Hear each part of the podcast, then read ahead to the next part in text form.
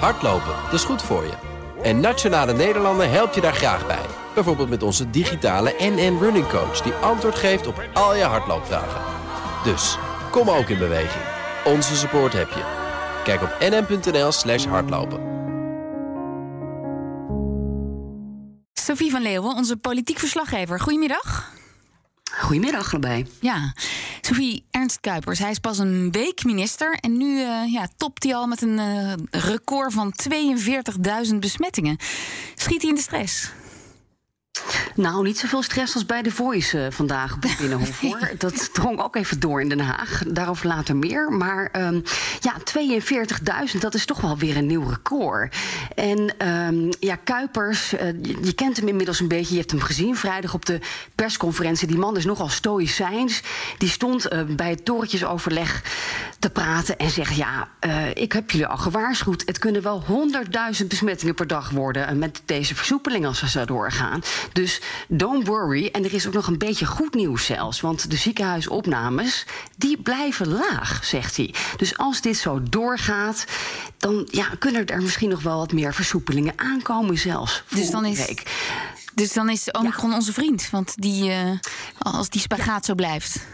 En ik heb hem gevraagd. Boris Johnson vindt Omicron uh, ook al een beetje zijn vriend. Daar gaan ze ook al richting. Het is maar een griepje. Kuipers is nog niet zo ver. Hij wil nog een week wachten. Ook om te kijken wat die ziekenhuisopnames doen. En ik heb hem ook gevraagd: nou, kunt u dan niet gewoon nu al even alles de horeca en de cultuursector uh, opengooien? Want dat willen ze zo graag. En er wordt geprotesteerd in Nederland.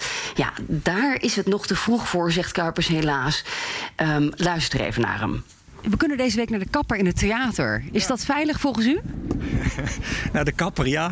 En het theater, uh, de besmettingsaantallen op dit moment zijn al zo hoog. En gaan ook nog zo ver omhoog. Vandaag uh, boven de 42.000. Dat is nog niet het gevolg van de versoepeling van afgelopen zaterdag. Dat is veel te vroeg. En wat ik afgelopen vrijdag ook gezegd heb is... besmettingen gaan ontzettend snel omhoog. En ook als we de maatregelen van vorige week hadden gecontinueerd... was het nog verder omhoog gegaan. Nou, dat zien we nu. En het kan aanzienlijk stijgen. Het RIVM heeft berekend dat het wel naar 75.000 tot 100.000 besmettingen per dag kan gaan. En in die setting, ja, wij moeten gewoon versoepelen. Maar je moet daar ook een keuze in maken. Dus uh, hoe vervelend ook, hebben we voor nu een aantal keuzes gemaakt. Maar dat betekent automatisch dat anderen uh, nog niet konden versoepelen. Ik begrijp hoe, hoeveel pijn dat doet. Maar alles tegelijk open, daar is gewoon was op dit moment gewoon nog niet de gelegenheid. Hij klinkt heel erg uh, voorzichtig. Ja, hij is wel voorzichtig en het is, een, het is een arts en hij is nog maar een week minister. Ja. Maar ik heb hem even wat langer gesproken en tussen de regels door hoor je ook wel wat optimisme hoor. Want je hoort dus van ja, uh, het valt nog wel mee, de druk op de zorg nu. Mm -hmm. Het kan erger. Ja. Laten we hopen dat het zo blijft. En dan gaan we misschien volgende week open. Maar ja, uh, hij, hij, hij, wil er nu gewoon nog niks over zeggen. Nee. En het is nog even net te vroeg daarvoor. Maar wat je wel ziet natuurlijk, Sofie, tenminste, ik weet niet Lisbeth, misschien ook in jouw omgeving wel. Bij mij tenminste is het weer schering en inslag met kinderen die thuis in quarantaine ja, ja. worden gezet omdat ze de opvang te veel besmettingen hebben of op school te veel besmettingen hebben. Straks gaan de horeca aan de cultuur open, maar is er niemand om daarvan te genieten omdat ze allemaal met die kinderen in quarantaine zitten? Dan is het, het is inmiddels een soort logistiek probleem die Omicron, Sophie. Hoe zien ze dat in Den Haag? Ja, da, ja daar, daar hebben ze ook voor gewaarschuwd bij het kabinet. Natuurlijk, het is een logistiek probleem. En, um, en met name met die kids natuurlijk, mensen die niet geboosterd zijn, die dan toch in quarantaine moeten. Mm -hmm. uh, ik heb ook gevraagd, ga, gaan jullie die regels anders een beetje verder versoepelen? Net zoals in andere landen. Kun je niet gewoon helemaal stoppen met die quarantaine? Maar dat, dat durven ze op dit nee, moment nog niet. Kijk, en zo... ja, het is een bottleneck. Ja, want dat is natuurlijk interessant. Ja. Want ze hebben natuurlijk afgelopen weekend aangegeven in die persconferentie... we gaan wat versoepelen. Dus als je nou contact hebt gehad met een coronapatiënt... maar je bent geboosterd bijvoorbeeld of recent ziek geweest... dan hoef je niet meer in quarantaine. Alleen, daar heb je niks aan als ouder van kleine kinderen. Dan zul je, je moet gewoon thuis blijven. Ja, met kleine kinderen is het, is het inderdaad wel, wel echt vervelend. Ja, niet iedereen in Nederland heeft kleine kinderen. En de kinderen kunnen natuurlijk, hè, daar, daar, daar wordt ook wel nu wel uh, ja, op voor gesorteerd. Mm -hmm. Binnenkort ook gaan kiezen voor een prik. Ja. Dat is natuurlijk de volgende stap hè, die, die het kabinet wil maken. Uh, denk erover na. Misschien kun je je kind laten vaccineren. En uh, dat gebeurt in andere landen ook al. Hè. Daar zijn we ook een beetje mm -hmm. laat mee, net als bij de boosters. En ja, op die manier zou je dat natuurlijk wel, hè, die problemen een beetje kunnen gaan oplossen de komende weken. Nou ja, dat is voor ieder natuurlijk om te bepalen. Wil je dat hè, met je kind? Wil je dat je kind aandoen? Heb je daar zin in? Maar het is wel een oplossing. En nog even over het draagvlak hè? En, en ook daarmee de opstand in Nederland. Uh, je, hebt, je hebt ook Jezielkes gesproken van justitie. Ja, die, die ervaart ook boze ondernemers, uh, een gebrek aan draagvlak. Heeft ze die nog onder controle? Ja, ze doet een beetje alsof er neus bloedt, Jezielkus. Ook sinds een week minister. Nou, er was een soort opstand uitgebroken in Nederland. Dit weekend, ook nu deze week weer musea, theaters. Heel veel gaan toch open. Dus ja, ik vroeg, heeft hij het nog wel onder controle? Eigenlijk wijst zij gewoon naar de burgemeesters en ze zegt... joh, het is eigenlijk niet aan mij. Zij gaan het allemaal regelen en handhaven. En ze komen er samen uit in gesprek met die ondernemers. Een beetje zalvende woorden bijna van Jezielkus. Um, en uh, ja, ze wordt ook nog ingewerkt eigenlijk hè, deze week. En ik vroeg haar ook nog even naar ruimte voor versoepelingen. Ja, en ook zij zegt daarover, dat zit er nog even niet in. Helaas is dit op dit moment nodig. Ik denk dat het bij de persconferentie goed uitgelegd is. Niet zo dat burgemeesters, sommige burgemeesters, niet naar u luisteren, naar de minister. En moet u dan niet ook ingrijpen? Uh, het is echt primair de verantwoordelijkheid van de burgemeester. En ik heb ook gezien dat afgelopen weekend in heel veel gemeenten burgemeesters ook afspraken hebben gemaakt met ondernemers. Uh, die hebben gehandhaafd. En op plekken hebben ook burgemeesters gezegd: Nou, ik geef je ruimte om een uur of om twee uur een, uh, een punt te maken. Volgens mij is er niemand bij gebaat als ik vervolgens het hele land afbel en iedereen ga controleren. Zo hebben we het ook niet ingericht in dit land. Ehm, maar het is, het is gewoon een hele vervelende situatie dat we nog niet alles open kunnen gooien. Dat begrijp ik heel goed. De kapper in het theater, mag dat? En gaat u ook? Uh, ik ben al naar de kapper geweest. Ik kon gelukkig uh, zondag heel vroeg terecht. Heel vroeg, maar was ik heel blij mee. Het is heel duidelijk wie nu open mogen en wie helaas niet.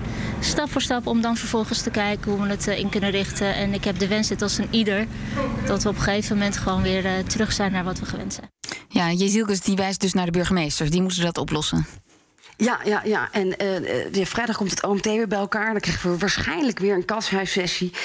En dan is het na dat hele riedeltje de vraag of dan 25 januari de boel alsnog wel helemaal open zou kunnen. Ja, eigenlijk wijzen naar de burgemeesters. Een beetje makkelijk misschien. Maar ja, uh, aan de andere kant, uh, ja, die vrouw zit er een week. Ja. En, uh, ze, ze, wil ook een beetje, denk ik, de boel bij elkaar houden. En niet keihard meteen bovenaf nee. gaan slaan. Is ook wel weer te begrijpen. De onrust ja. die er natuurlijk wel is. En ja, dat begrijpt iedereen natuurlijk ook wel heel erg goed. Dat men daar ontzettend van baalt. En verder je noemde het al eventjes. In Den Haag zijn ze ook in de ban van het nieuws over The Voice. Um, zijn er ook Kamervragen gesteld? Jazeker, die kwamen van, uh, van het Linko-Kamerlid eigenlijk. Het Luciel Het tv-kamerlid, ja, zeker. Van, die zit bij het CDA, hebben we nog heel weinig van gehoord eigenlijk tot nu toe. En, en zij schrijft aan de, aan de staatssecretaris uh, van Cultuur van... ja, dit is onacceptabel, dit moet tot op de bodem worden uitgezocht. En eigenlijk voer ze druk op op het ministerie van Onderwijs en Cultuur.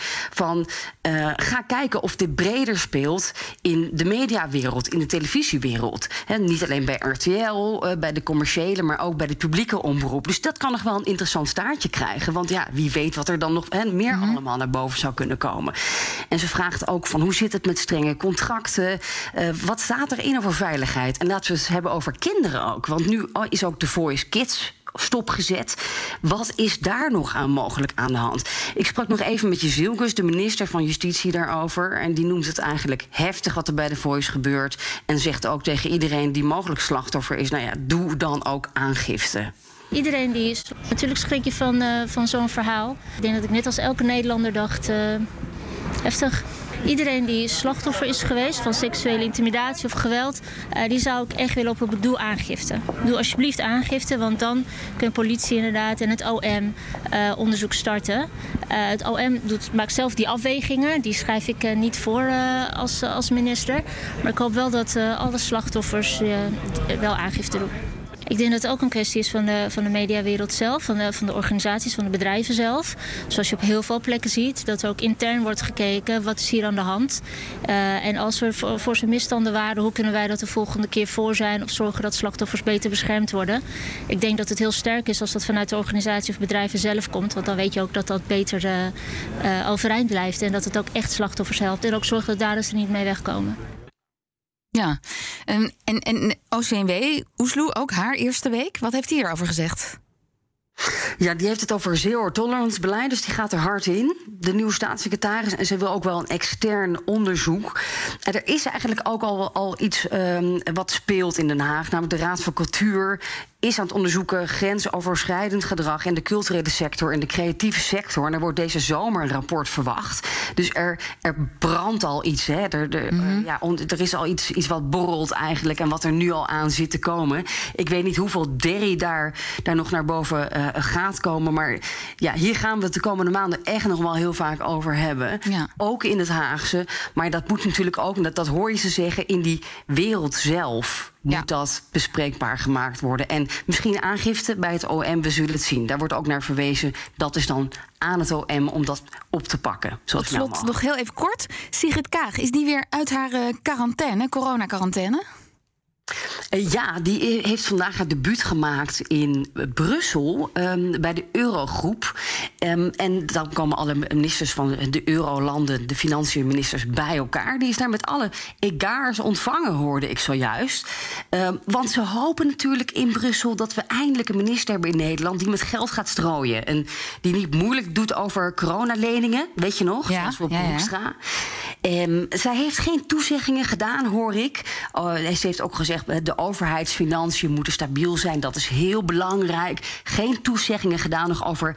Kunnen we morrelen aan het stabiliteitspact... die 60% staatsschuld Maar de hoop is heel groot, kan ik je vertellen.